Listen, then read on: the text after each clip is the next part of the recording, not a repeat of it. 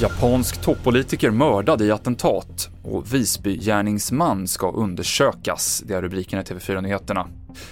Ja, Japans förre premiärminister Shinzo Abe har avlidit på sjukhus efter att han blivit skjuten under ett kampanjtal idag. 67-årige Abe blev skjuten av en ensam gärningsman när han talade till en folksamling i staden Nara i västra Japan.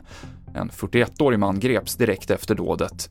Och Japan är i chock, säger vår kommentator Jonas Björk. Det här är otroligt ovanligt i Japan som ju anses vara väldigt säker land, säkert land att vistas i när det gäller våldsbrott överhuvudtaget.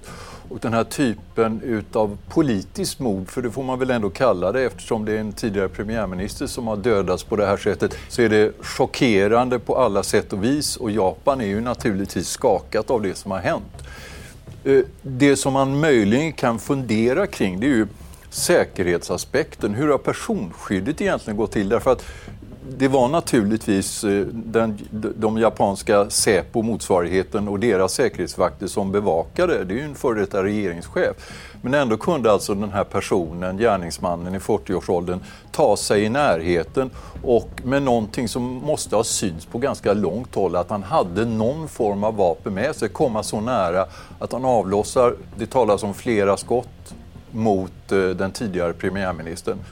Och vi fortsätter i Visby. Idag så häktades 32-årige Theodor Engström misstänkt för knivmordet på psykiatrisamordnaren Ingmarie Wieselgren i förrgår. Han ska genomgå en rättspsykiatrisk undersökning, säger åklagaren Petra Jutell. Dels på grund av gärningen, dels på grund av vad han själv har uppgett i förhör om sitt psykiska mående och också eh, avseende uppgifter som framkom under häktesförhandlingen. Två varuhus och flera mindre butiker i Erikslunds köpcentrum i Västerås förstördes efter att en brand bröt ut under natten.